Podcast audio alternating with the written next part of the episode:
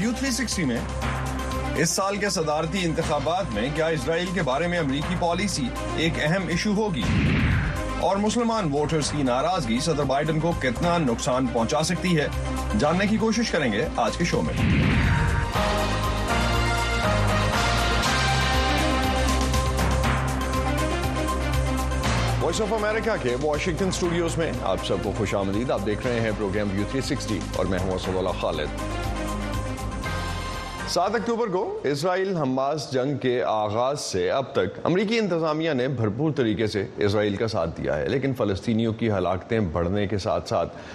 عالمی سطح پر اسرائیل پر تنقید میں اضافہ ہو رہا ہے اور بائیڈن انتظامیہ پر بھی اپنی اسرائیل نواز پالیسی تبدیل کرنے کے لیے دباؤ بڑھ رہا ہے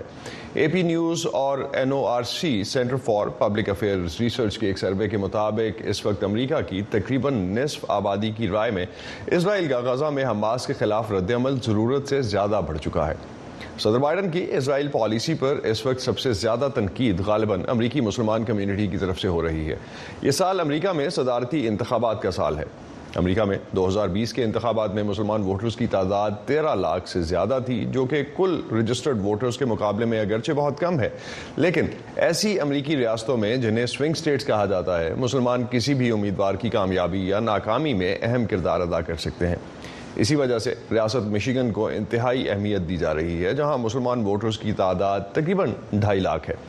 ان امریکی مسلمانوں کی اکثریت اس وقت صدر بائیڈن کی اسرائیل پالیسی پر خاصی ناراض ہے اور ان کے ترجمان نومبر کے انتخابات میں احتجاجن ڈیموکریٹک امیدوار کو ووٹ نہ ڈالنے کے اشارے دے رہے ہیں آج کے پروگرام میں ہم اس بات کا جائزہ لینے کی کوشش کریں گے کہ اس سال ہونے والے صدارتی انتخابات پر اسرائیل حماس جنگ میں امریکہ کی اسرائیل کے لیے حمایت کا کیا اثر پڑے گا دنیا بھر سے اہم خبریں اور ان پر تجزیے آپ ہماری ویب سائٹ اردو ویو اے ڈاٹ کام پر پڑھ سکتے ہیں نومبر میں ہونے والے امریکی صدارتی انتخابات کے لیے ابتدائی مراحل میں ریاستی سطح پر دونوں سیاسی پارٹیز کے امیدواروں کی نامزدگی کے لیے انتخاب کا عمل جاری ہے کل رات ریاست مشیگن میں ہونے والا پرائمری انتخاب ڈیموکریٹ پارٹی کے لیے خاصا اہم تھا کیونکہ اس ریاست میں عرب نجات مسلمانوں کی ایک بڑی تعداد آباد ہے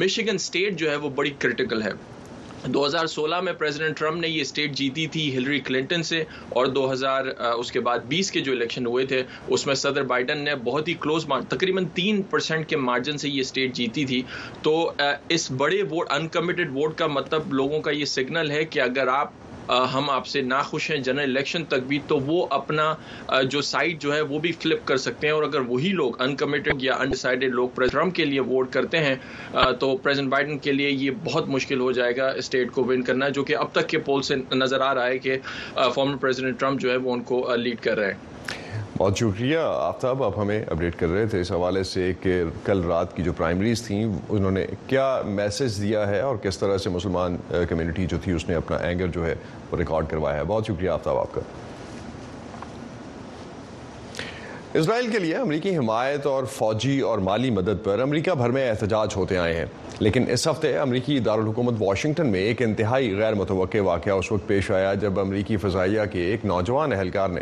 امریکی پالیسی کے خلاف احتجاج کرتے ہوئے اسرائیلی سفارت خانے کے باہر خود سوزی کر لی یہ شخص بعد میں اسپتال میں چل بسا امریکی فضائیہ کا یونیفارم پہنے اس شخص نے فری پیلسٹائن یا آزاد فلسطین کے نعرے لگاتے ہوئے خود کو آگ لگا لی اس واقعے سے پہلے اپنی سوشل میڈیا پوسٹ میں اس نے کہا تھا کہ وہ اسرائیل کی طرف سے فلسطینیوں کی نسل کشی میں ملوث نہیں رہے گا اس واقعے سے پہلے ریاست جارجیا کے شہر ایٹلانٹا میں بھی اسرائیل کے قونصل خانے کے باہر ایک شخص نے خودسوزی کی کوشش کی تھی یہ احتجاج صرف فلسطینیوں کے حامیوں کی جانب سے ہی نہیں بلکہ امریکی انتظامیہ کے اندر اس کی اسرائیل پالیسی کے خلاف بھی ریکارڈ کیا گیا ہے امریکی محکمہ خارجہ کے ایک عہدیدار نے جنگ شروع ہونے کے صرف دس روز بعد اسرائیل کے لیے امریکی پالیسی پر احتجاجن استعفیٰ دیا تھا پھر اس سال جنوری میں امریکی محکمہ تعلیم کے ایک عہدیدار نے بھی اپنے عہدے سے استعفیٰ دے دیا تھا محکمہ خارجہ کے اہلکار کے استعفے کے بعد امریکی وزیر خارجہ نے سٹاف کو لکھے گئے خط میں لکھا تھا کہ صدر بائیڈن نے شروع سے ہی یہ واضح کر رکھا ہے کہ جہاں امریکہ اسرائیل کے حق دفاع کی مکمل حمایت کرتا ہے اسرائیل یہ دفاع کیسے کرتا ہے یہ بھی اہم ہے اور اس کا مطلب ہے کہ اس کے عمل میں قانون کی اجارہ داری کا اور بین الاقوامی سٹینڈرز کا احترام اور عام شہریوں کی زندگیوں کی حفاظت کے لیے ہر طرح کی احتیاط شامل ہو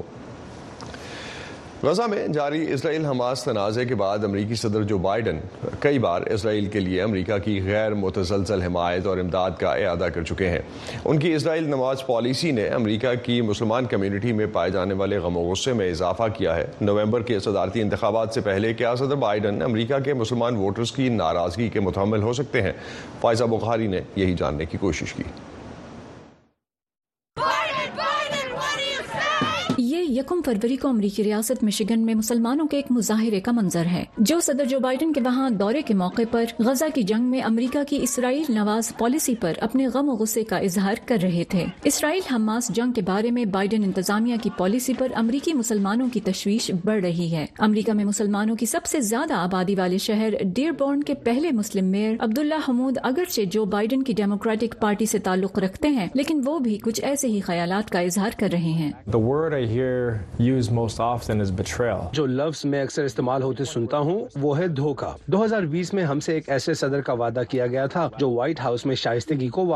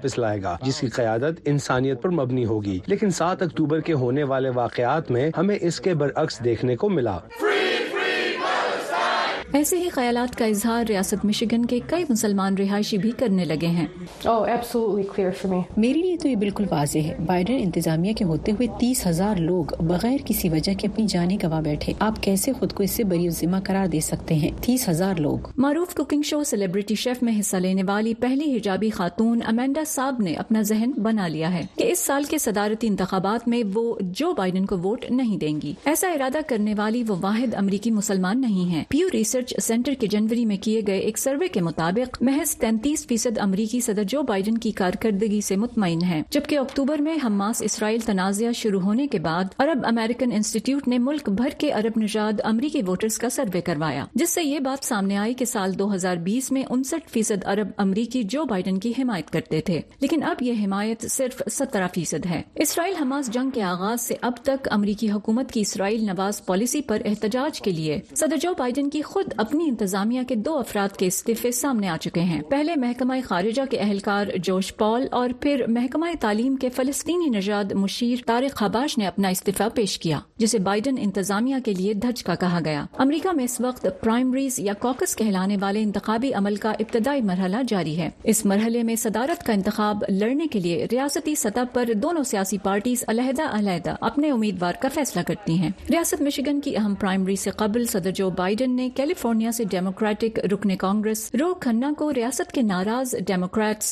اہم عرب اور نوجوان مسلم ووٹرز سے ملاقاتوں کی ذمہ داری سونپی تھی تاہم رو کھنہ نے ان ملاقاتوں کے بعد یہ نتیجہ اخذ کیا کہ صدر بائیڈن اپنی مشرق وسطی کی پالیسی میں تبدیلی کے بغیر ریاست مشیگن سے کامیاب نہیں ہو پائیں گے نومبر کے صدارتی انتخابات میں صدر جو بائیڈن کے لیے امریکی مسلمان ووٹ کتنا اہم ہے اس پر مختلف آرا پائی جاتی ہیں ایک نقطۂ نظر یہ ہے کہ امریکی آبادی کا ایک فیصد سے کچھ زیادہ مسلمان ہیں لہٰذا ان کا ووٹ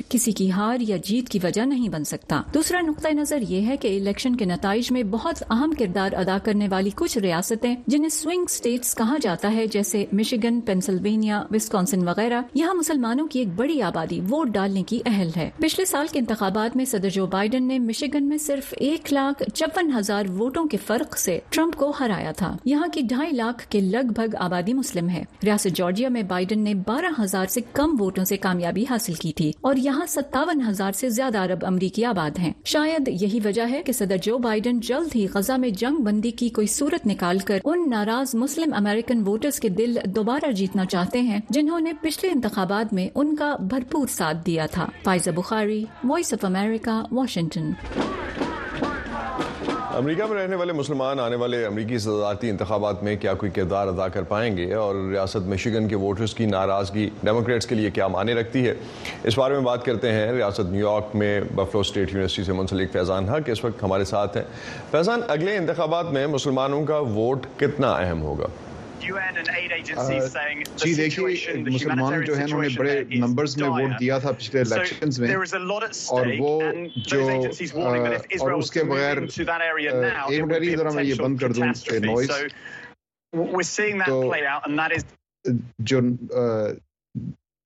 جی فیضان میں ریپیٹ کر دیتا ہوں شاید آپ کچھ آپ کے پاس ریڈیو پہ یا ٹی وی پہ چل رہا تھا تو آئی کین جسٹ ریپیٹ مائی کوشچن مسلمانوں کا ووٹ میں جاننا چاہ رہا تھا کہ جس طرح کی اس وقت سچویشن ہے اور مشیگن کی پرائمری میں کل ہم نے جس طرح سے امپیکٹ دیکھا مسلمانوں کا ووٹ کتنا اہم ہوگا خاص طور پر سوئنگ سٹیٹس میں آنے والے صدارتی انتخابات میں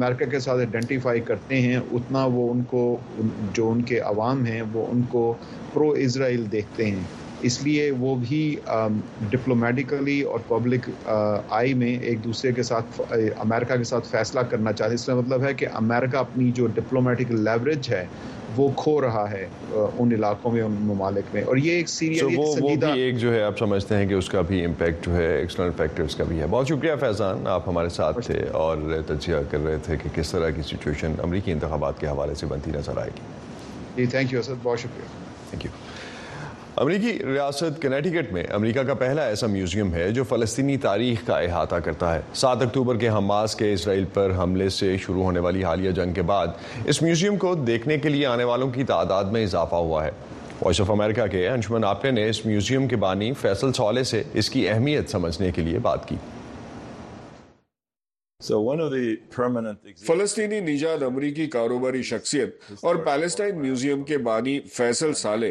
وی او اے کو دیے گئے ٹور کے دوران پیلسٹائن میوزیم میں شامل کی گئی ah, نمائشوں کے بارے میں بتا رہے ہیں یہ تصویریں اس بات کی گواہی دیتی ہیں کہ فلسطین میں بڑی تعداد میں فلسطینی رہتے تھے اور ان کے اپنے ادارے بھی تھے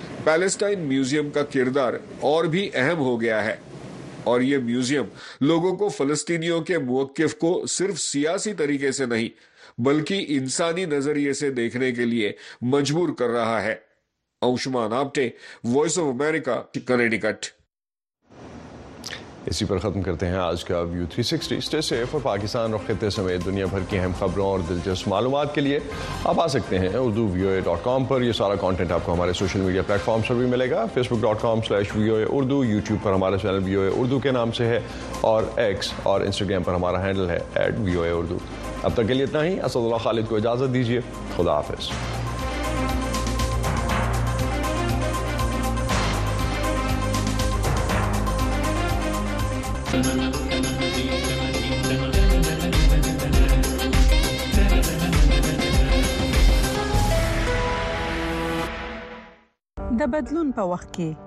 کله چې نړۍ د غیر یقیني سره مخامخ کاری او کله چې موږ ساورو هغه هغه شان نخ کاری چې څنګه یې وینو موږ د اړتیا ولټون کوو موږ ته چې کله نیمګړی قصه ویل کیږي موږ په باور بیلو د کڑکېچ په شیبو کې زموږ خوبونه، امیدونه او د غوړه سباوند لپاره زموږ ارزوګانې آزادې میډیا ته اړتیا لري. په وایس اف امریکا کې مونږ تاسو ته داسې خبرونه راوړو چې د قتل لپاره خلک د خطر سره مخامخ کوي مونږ نړۍ سره یو ځای کوو او اړتیا سره پیوست کوو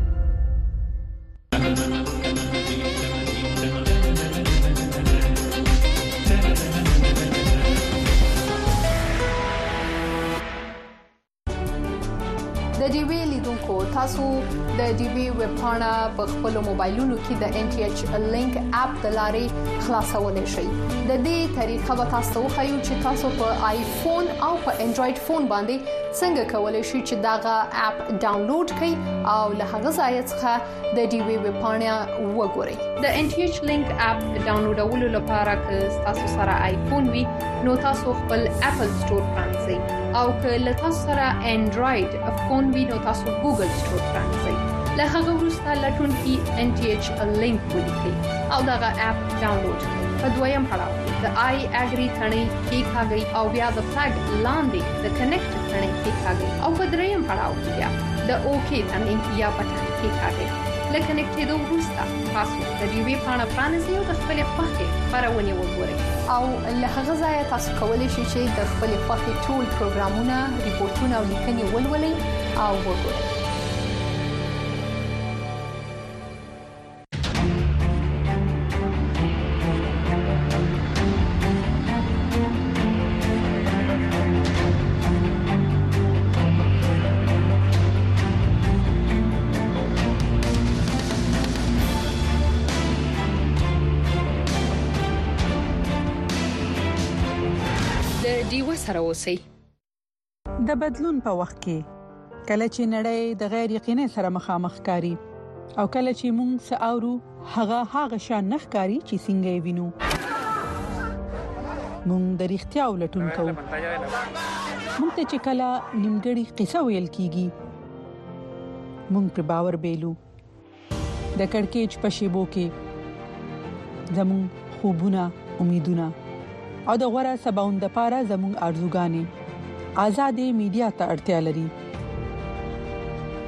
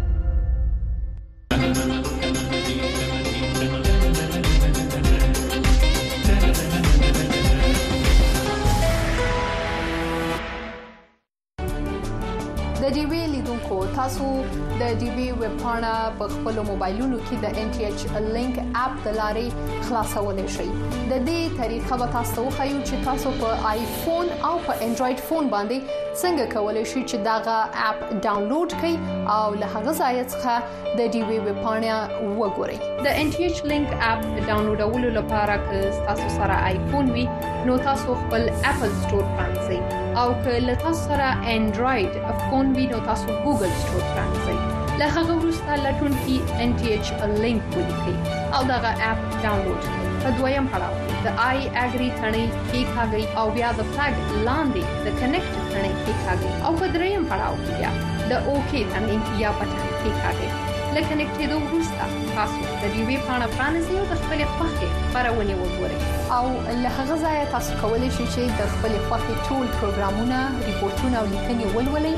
او وګورئ.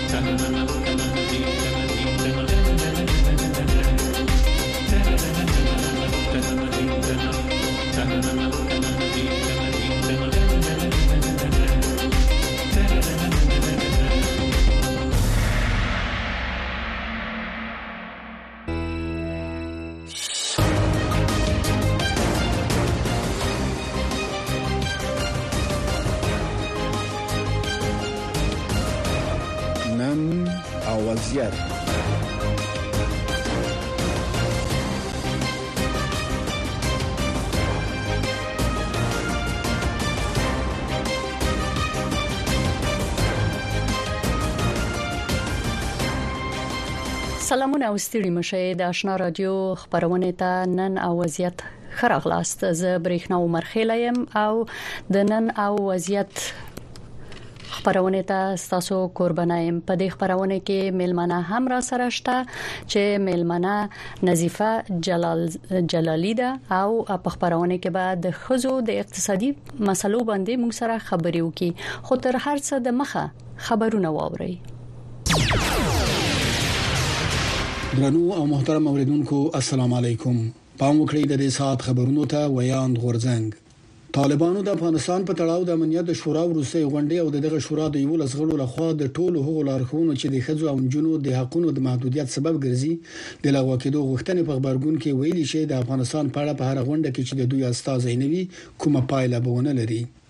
د طالبانو د حکومت ویاند ذبیح الله مجاهد د راډیو افغانستان سره په مرکه کې چې د طالبانو له خوا اداره کیږي ادعا کړې چې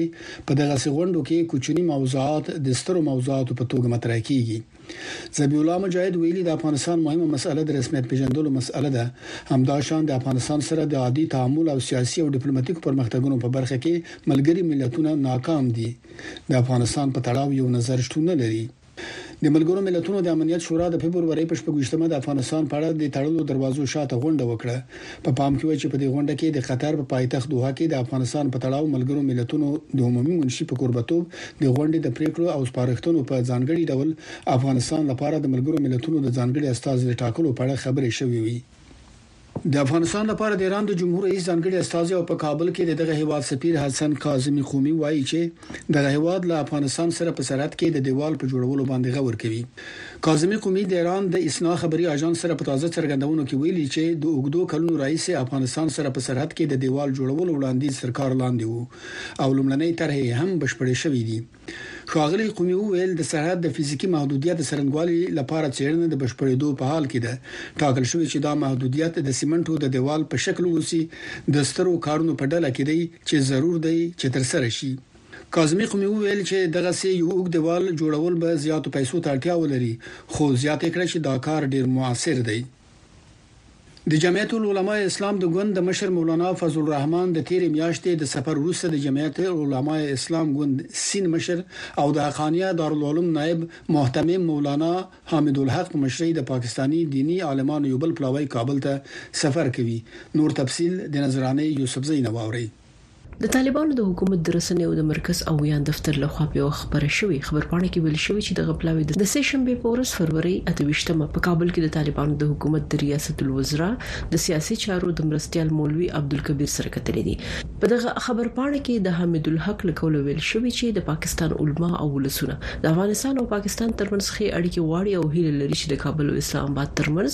په اقتصادي همکاریو سربیره سیاسي اړیکې هم پراخې شي څو دواړو ولسونو ته ګټه ورسیږي په خبر پاڼه کې ویل شوی چې مولوي عبدالکبیر دغه پلاوي ته ډاډ ورکړي چې د افغانستان د خاورې نه به هیڅ چاته ګواښ پیښ نشي د یادونې وړ د کابل ته د پاکستاني دیني عالمانو د دغه پلاوي د سفر د مخ کې د روان کال د جنوري د میاشتې په لومړۍ ورځ کې د مولانا فضل الرحمن په مشرۍ د جمعیت علماء اسلام د ګوند د مشر په مشرۍ یو پاکستاني پلاوي هم افغانستان ته سفر کړو نظرانه یوسفزۍ امریکا غږ واشنگټن خبرونو ته ادامه ورکوو. د یمن لپاره د متحده ایالاتو ځانګړي استازي ټیم لینډر کینګ د سې شنبې په ورځ د فبرورۍ په اووه ویشت مه وویل چې په یمن کې ایراني او د لبنان حزب الله ډلې جاسوسان په نړیوالو کښتیو باندې بریدونو کې د حوثي اغیانو سره مرسته کوي. ښاغلي لینډر کینګ د متحده ایالاتو سنا یوې کمیټې په استماعه غونډه کې وویل چې د ایران ملایي دولت د حوثیانو بریدونو ته تجهیزات او اسانتیاوې ورکوي. د متحده ایالاتو د جګپوړي چارواکي وویل چې د اعتباري عامه راپورونو څخه معلومیږي چې د پام وړ شمیر ایراني او د لبنان حزب الله جاسوسان په یمن کې دننه د حوثیانو سره په بریدونو کې مرسته کوي. د یمن لپاره د امریکا د استازي وویل چې تصور هم نشي کولای د یمن ولس په خپل هیواد کې ایرانیان غواړي او زیاته یې کړه باید مخه یې ونیول شي. د غزې په تړانګه کې د مړیو شمېر په داسې حال کې نږدې دېرش زرو ته رسېږي چې د حماس تر کنترول لاندې دغه سیمه کې جګړه روانه ده او په دې اړه په خبرو بوخت منځګړي وايي چې د اسراییل سره تر راتلونکو څو ورځو پورې ښايي یو اوربند پلی شي. د حماس ادارې د روغتیا وزارت ویلي، د اسراییل په بمبارۍ کې یو نوي نور کسان هم وژل شوي دي. د مصر، قطر او متحده ایالاتو منځګړي په عین وخت کې هڅه کوي چې په دغه پنځه میاشتنۍ جګړه کې د شپږو اونیو وقفه پلې کړي. له خبرو اترو وروسته دغو منځګړو خبر ورکړ چې يو تړون د نهايي کېدو په حال کې دی. د راپورونو له مخې په دغه تړون کې د اسرائيل له زندانونو څخه د څو سوو فلسطيني بنديانو په بدل کې د حماس له قيد څخه د ځنو اسرائيلي برمته شويو کسانو خوشي کول شامل دي. دا وو زموږ د دې ساعت خبرونه. د آشنا رادیو د نن او وضعیت خبرونه ته بیا هم خراغلاست د ژمنې سره سم د خزو د حقوقو فعال نظیفه جلالی سره خبرو ته کینو میرمن جلالی خبرونه ته خراغلاست د امریکا د بهرنیو چارو وزیر انټونی بلینکن ویلي دی چې د طالبانو په حاکمیت کې افغانستان د کال تر 1 میلیارډ ډالر لدی کبل له لاس ورکوي چې خزه په اقتصادي وده کې له ونډې محرومي شوي دي دا نوي پروګرامونه چې د امریکا د بهرنیو چارو د وزارت لخوا خزو ته ټاکل شوی دی دا څه ډول پروګرامونه دي او اهمیت یې څه دی سلامونه او نیکی هیلی تاسو ته قدرمن اوریدونکو ته البته مخکې له دې نه چې زه راسم د دغه برنامو د موثریت او اغیزمنتوب په اړه باندې خبرې وکم د یادولو وړ دی چې په افغانستان کې واقعا میرمنې خپل سیاسي مشارکت اقتصادي مشارکت چې ډیر زیات مهم دی او تر هغه اندازې پورې چې زموږ شبکه او یا هم زموږ سازمان یو سروي درلودل چې دا سروي تر اوسه پورې نشر شوی نه ده او لا هم لګیا یو چې په جنوبي ولایتونو کې دا سروي تر سره شي په اکثریت ولایتونو کې دا تر سروي تر سره شوې ده تقریبا 99% میرمنې خپل کارونه د لاس ور کړی دي خصوصا تجارتي برخه کې چې دا سروي هم د میرمنو د کوچني تجارتونو په برخه کې و چې یو مثال یې زه تاسو ته ویلای سم چې د دې سروي مطابق په بامیان کې د میرمنو اکثریت دکانونه بند شوي دي په بدخشان کې د میرمنو کاروباري میرمنو دوکانونه تړل شوي دي، په کندهار ولایت کې، په غزني ولایت کې او همدارنګه زموږ سروې لا جریان لري تر اوسه تکمیل شوې نه ده نو دا اقتصادي برخه وه مثلا تجارتي برخه ده د میرمنو سیاسي مشارکت دی ټولنیز مشارکت ده فرهنګي مشارکت دی نو دغه مشارکتونو ته په کتو سره چې پر میرمنو باندې دا ټول محدود دي ور باندې بند شوي دي نو خامخا به د هیواد په اقتصاد کې چې میرمنې خصوصا افغان میرمنې مهم رول یې لوبول او همدارنګه کچیرته تاسو په جریان کې اوسئ د اتاق های تجارت زنان په نامه دا اورګنایزیشن چې کوم یو راپور یې خبره کړې و دوی وویل چې په افغانستان کې خصوصا په تولیدي برخه کې د لاسي صنایع په تولید کې د وچې میوې په صادرات او وارداتو کې چې دغه پاکینګ او نور مسایل میرمنې په افغانستان کې کولې په دې ټولو کې د میرمنو رول ډیر زیات زیات ده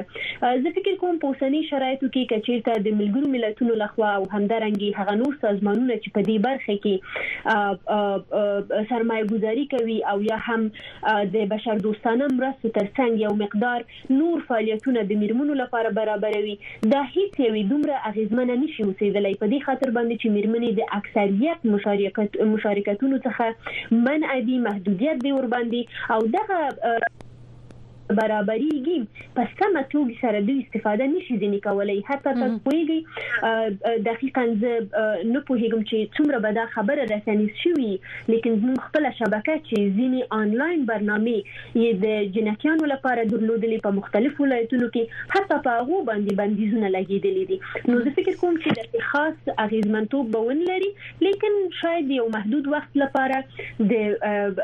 بشري بحران د کنټرولولو په خاطر باندې یو لار دی تاسو فکر کوئ میرمن جلالی چې دا پروګرامونه په کوم خاصو برخو کې دي که په مختصر ډول راته ووایي او دا دا ډول پروګرامونه په خارونو کې په خزو باندې متمرکز دي ک کلیو باندو کې ول چې فرق ډیر زیات دی د خاري خزه او د کلو باندو کې چې خزه ژوند کوي دا غوي د اقتصاد او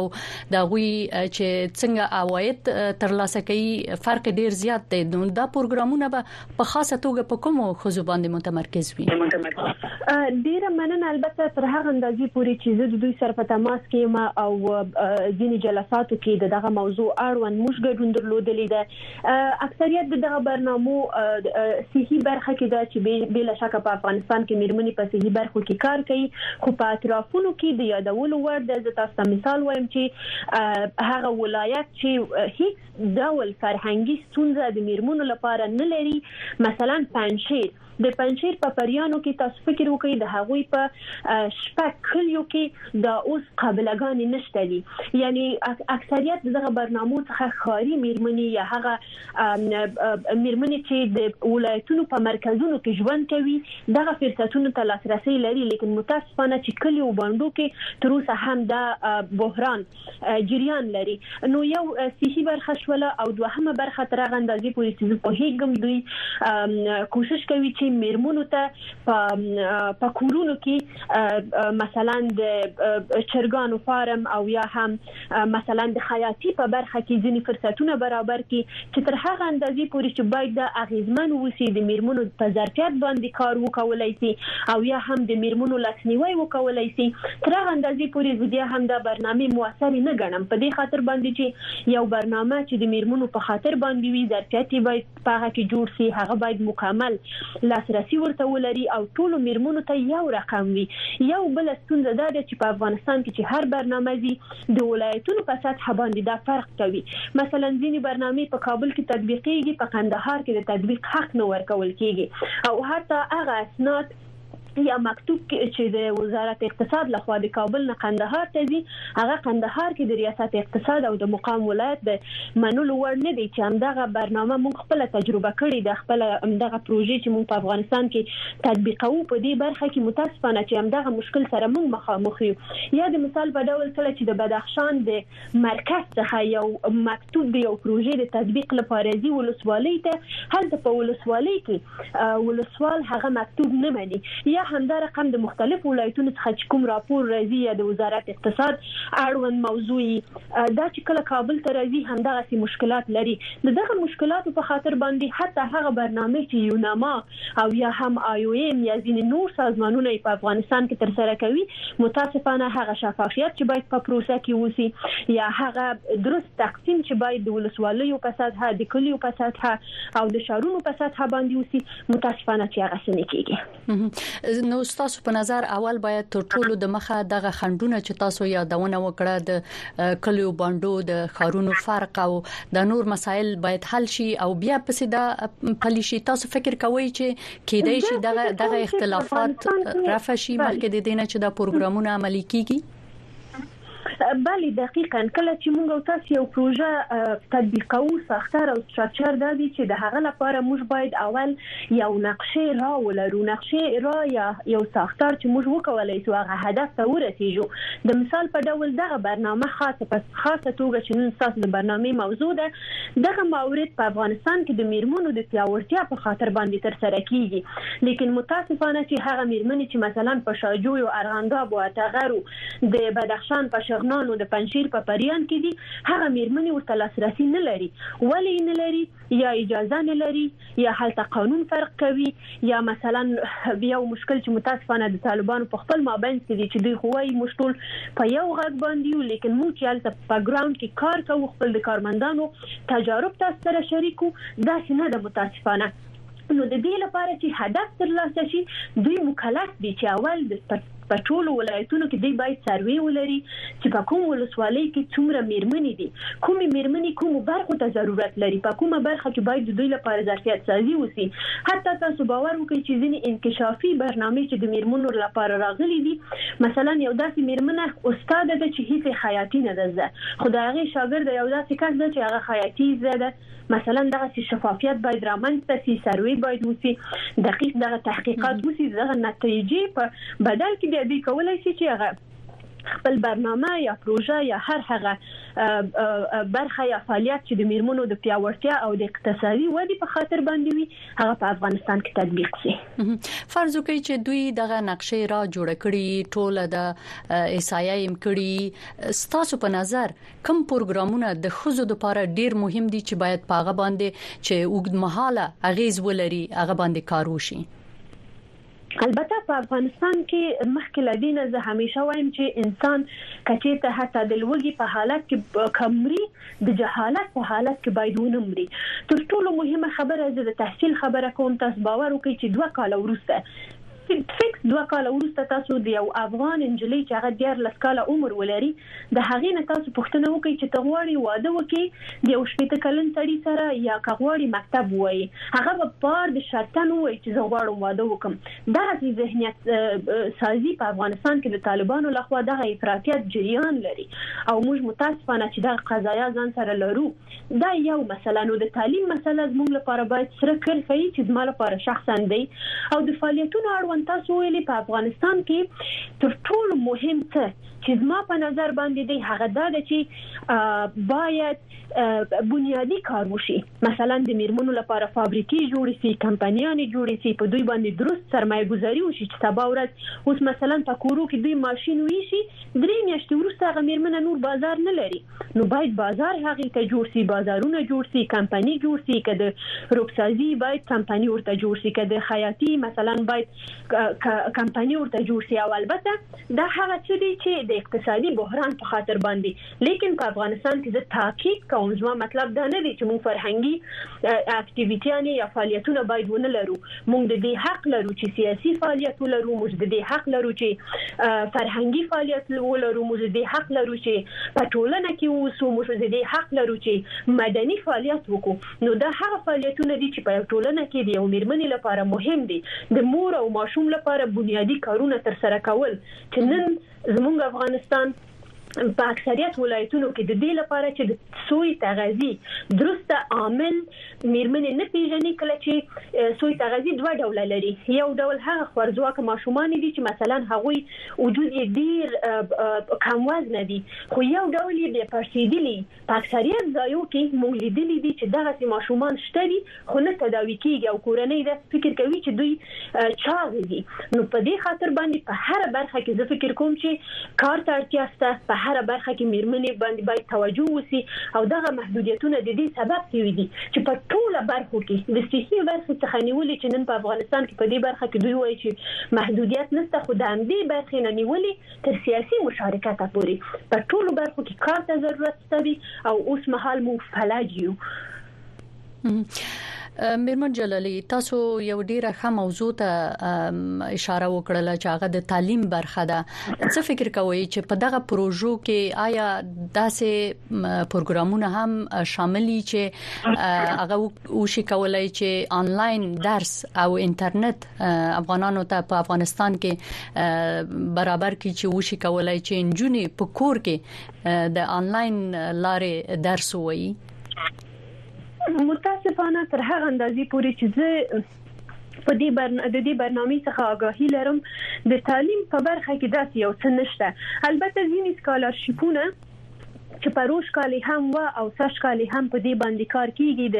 سازمان ملل متحد د یو کمېټې له خوا او همدا رنګې ځینې سازمانونه چې په دې برخه کې کار کوي یا ځینې نړیوال انستیتیونه لیکن هغه ډېر محدود دي لیکن د دغه پروسې اړوند تر هغه اندازې پورې چې زه خبر یم او جریان کې یم متاسفانه چې داسې یو څه ما ونه لیدل او وامې نه اورېدل په دې جلسه کې نو کچېرته په محت... په لا بلا د آجنډا کې په دې باندې دوی بحث کړي یا په یو بیل مجلس کې په دې هکله باندې زه څه نه سم ویلی لیکن تر هغه اندازې پورې چې د دوی هغه کانسپت ما لوستلې ده او د دې پروژې څخه زه آګاهي لرم د دې مواردو څخه متاسفانه چې د تعلیم په برخه کې داسې یو څه نشته دی او که چیرته یی زما آند به دا یی چې طالبان د تعلیم په برخه کې اجازه نه ورکوي. بیا هم دلته زه خپل شخصي تجربې ته راګرځم چې متاسفانه تر اوسه پورې زموږ درې تعلیمي او تحصیلي پروژې په افغانستان کې په انلاین او حضوري شکل سره د طالبانو لخوا رد شوي ده د وزارت تحصیلات عالي او د وزارت معارف لخوا. څومره خوشبینه یاستئ چې طالبانو به دغه پروژې یا دغه پروګرامونه چې د امریکا د بهرنیو چارو له وزارت د خوا جوړیږي افغان خزو ته هغه سره مخالفت ونکړي البته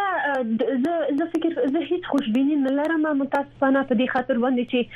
مونږ او تاسو وینو کله چې یو یو ډله چی هغوی حاکمیت کوی په افغانستان باندی او هغوی په دوه نیم کالو کی نشی کولای کله خپل پړی د د افغانستان په فرهنګی مسایلو باندی اچوی کله وایی چی په افغانستان کی شرعی مشکل ده کله وایی چی میرمنی بد اخلاقی دی کله وایی چی اخلاقی فساد دی او دوی تر اوسه پوری ونسوای کولای حتی تر دی اندازی پوری راورسیدل چی دوی ویل کریکولم خراب دی دا باید چینج سی نو کله چی یو ډله ددی ظرفیت او توانایی ونلری چی په دوه نیم کال کی خپل مشکل حل کی حال دا چی یونسف یونسکو حتی ځینی نور ډونر سازمانونه دوی ته وویل چی د مالی مرسته تخنیکی مرسته موږ ستاسو سره کوو لیکن دوی په دی باندی ونه توانیدل چی حتی ددغه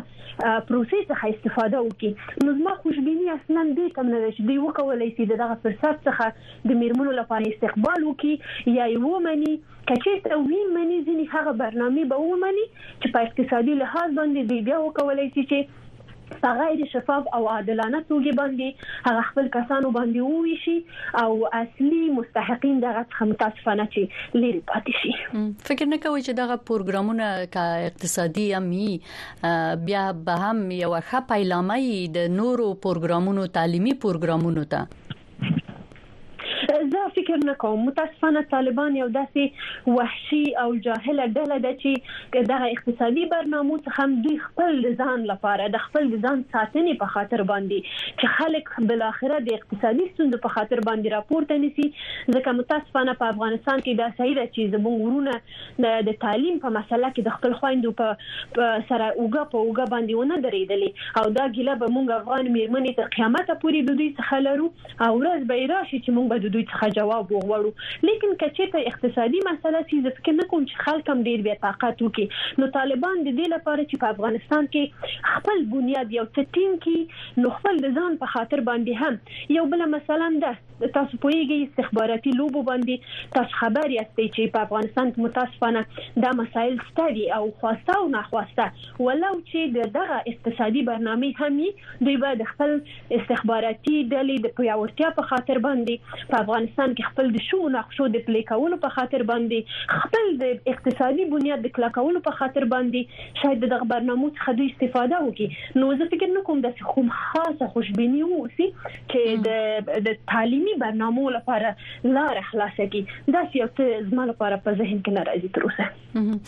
نړیوال تل د خزو په وړاندې د طالبانو کړنې غندلې دي خو اکثره افغان خزي وایي چې دغه غندل په الفاظو کې کفایت نه کوي نو تاسو څه فکر کوئ چې دا پروګرام په افغانستان کې د میرمنو سره مرسته کولای شي چې تر یو حد پورې د دوی دغه وایي چې کومک نه کوي نړیوال دغه غوښتنه پوره کړي زه فکر کوم چې اول خو نړیوال یا ملګری ملتونه جامع جهاني دوی د افغانستان د میرمنو په برخه کې پاتې راغلي دي څو دلایل وجود لري. موږ او تاسې پوهیږو چې د شورای امنیت مندیت د افغانستان لپاره څه دی. موږ او تاسې په دې باندې پوهیږو چې د هیومن رایټس کونسل مندیت د افغانستان لپاره څه دی او مسولیتونه یې څه دي او دوی څه صلاحیت لري. حتی دوی دومره بیچاره ځان وویستل او دا دا کار په قصدي شکل باندې وسوله که دوی یو مسؤلانه ګام د افغانستان د میرمنو په خاطر باندې وانه خیستله نو زه فکر کوم دغه خبره زه کاملا تاییدوم او دا شاید زما خپل شعار هم وي چې واقعا دوی د افغانستان د میرمنو په قبال کې هغه رقم ته چې باید خپل مسؤلیت ادا کړی وای نه ده ادا کړې، یوازې د سټېټمنټونو بیانول یا ویل یا یوازې د راپورونو خپرول، دا خو د یو ملت درد نه سي دوا کولای. که چېرته دوی واقعاً غوښتلای چي سیاسي فشار په طالبانو باندې راوړي، نو ولې د طالبانو نمایندګان تر برلینه پورې ورسېدل؟ ولې هغوی تر هالنډه پورې ورسېدل؟ په کوم دلیل باندې راځي دلته په عامه باندې دوی خپل لابي کوي یو داسې ډله چې د دوی خپل هغه چار چار راته چې د هغه پر د هغه قرارداد ته چې سازمان ملل متحد په هغه قرارداد باندې ولاړ ده جوړ ده حتی هغه طالبان رد کوي ولی دوی پالیسي بازي کوي، دوه مخي کوي او د هغوی نمایندګان حتی راځي په جرمني کې ځان ته لابي کوي، نو د افغانستان میرمنې ملامتې نه دي. نو پاتې شوله د دغه موضوعاتو چې دا به څومره د افغانستان زه فکر کوم چې ما وویل دا به هم صحیح ده چې د بشري مرستو د داسې برنامو او پروژو لیږل افغانستان ته په دې شرایطو کې دا د سازمان ملل متحد د دندو څخه ده او هغوی مکلف دي چې دا کار وکړي ځکه هغوی منډیت لري، هغوی مسولیت منلی ده او هغوی باید دا کار وکړي، یعنی د هغوی وظیفه ده، لیکن دا چې سیاسي بحران نه کنټرولوي او هغه سیاسي ابیوز چې طالبان یې کوي هغه نه کنټرولوي دا زه فکر کوم یو ډیره بیله مسله ده او که چیرته هغه سیاسي بحث ته یې زه من حیث د یو بشري حقونو د مدافع داخلیږم بیا دا بحث ډیر اوږدیږي. ځکه دلته بیا د قدرتمن هیوادونو میرمن جلالی سیاسي میرمن جلالی که یو بل پښتنه تم ماته جواب راکړي د طالبانو حکومت دایم د ادعا کړې ده چې خزوته د شریعت په چوکاټ کې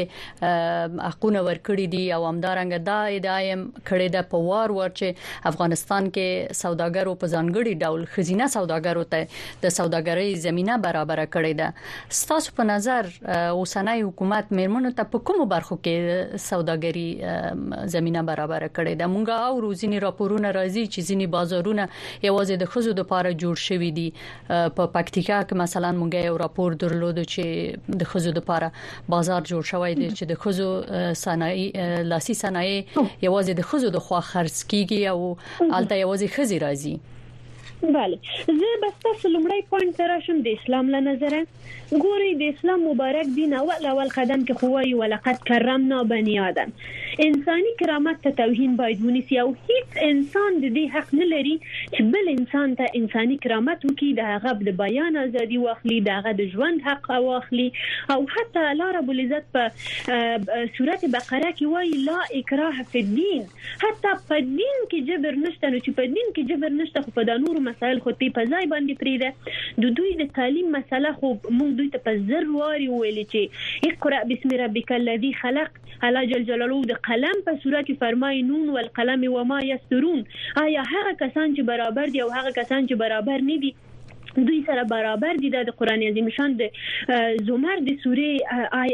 آیات مبارکه ده نو دغه مسایل ته پکاتو سره د دوی سره موږ د سخوزو د سیاسي مشارکت په خاطر باندې بحث وکړل چې کله د پیغمبر میرمنه سیاست کولای شي نو د افغانستان میرمنې خو دا غي نه اضافه نه دي خو هغه هم کولای شي خو دوی د اسلام څخه ابیوز کوي متاسفانه را بسم لاندې تاسو د دې لپاره چې د برنامې وخت زه نه پوهیږم چې څو دقیقې به وي راځم دوهم پوینټ ته دوهم پوینټ دا چې په افغانستان کې هغه نمایشګاه چې جوړیږي یا مثلا ځینې دغه سي مسایل چې تاسو ول مثلا په پکتیکا کې دا مسله جوړه سواله تاسو باور وکړئ چې دا فقط یو مکر او ریاکاری ده په څه خاطر باندې ګوري موږ انسانان یو او د تجارت په رول او قوانینو باندې موږ او تاسو پوهیږو ددوی لپاره ددوی د تولیداتو لپاره څومره ددوی تولیدات خرڅ شوي دي څومره میرمنې تاسو د بیکارۍ کچه د میرمنو په ټولنه کې لیدلې ده په افغانستان کې نو کومه ده ددوی نتیجه څه ده دوی څه شي بازار ته عرضه کوي مننه نظیفه جانه یو څو کسان تاسو راټول کړئ بله مهرباني د خزو د حقوقو فعاله نظیفه جلالی ستاسو د وخت او ارزونې نه ډیره زیاته مننه کور ودان خوشاله اوسئ د امریکا غږ آشنا رادیو د نن او وضعیت خبرونه هم په امدې سره پای ته رسیدي خو هیر مونږ شي چې نیم ساعت وروسته او همدا اوس بیا هم د تاسو غږ په خبرونه کې زما همکاران راغلي دي او تاسو سره به خبرې وکړي تر بیا مو څښتن مل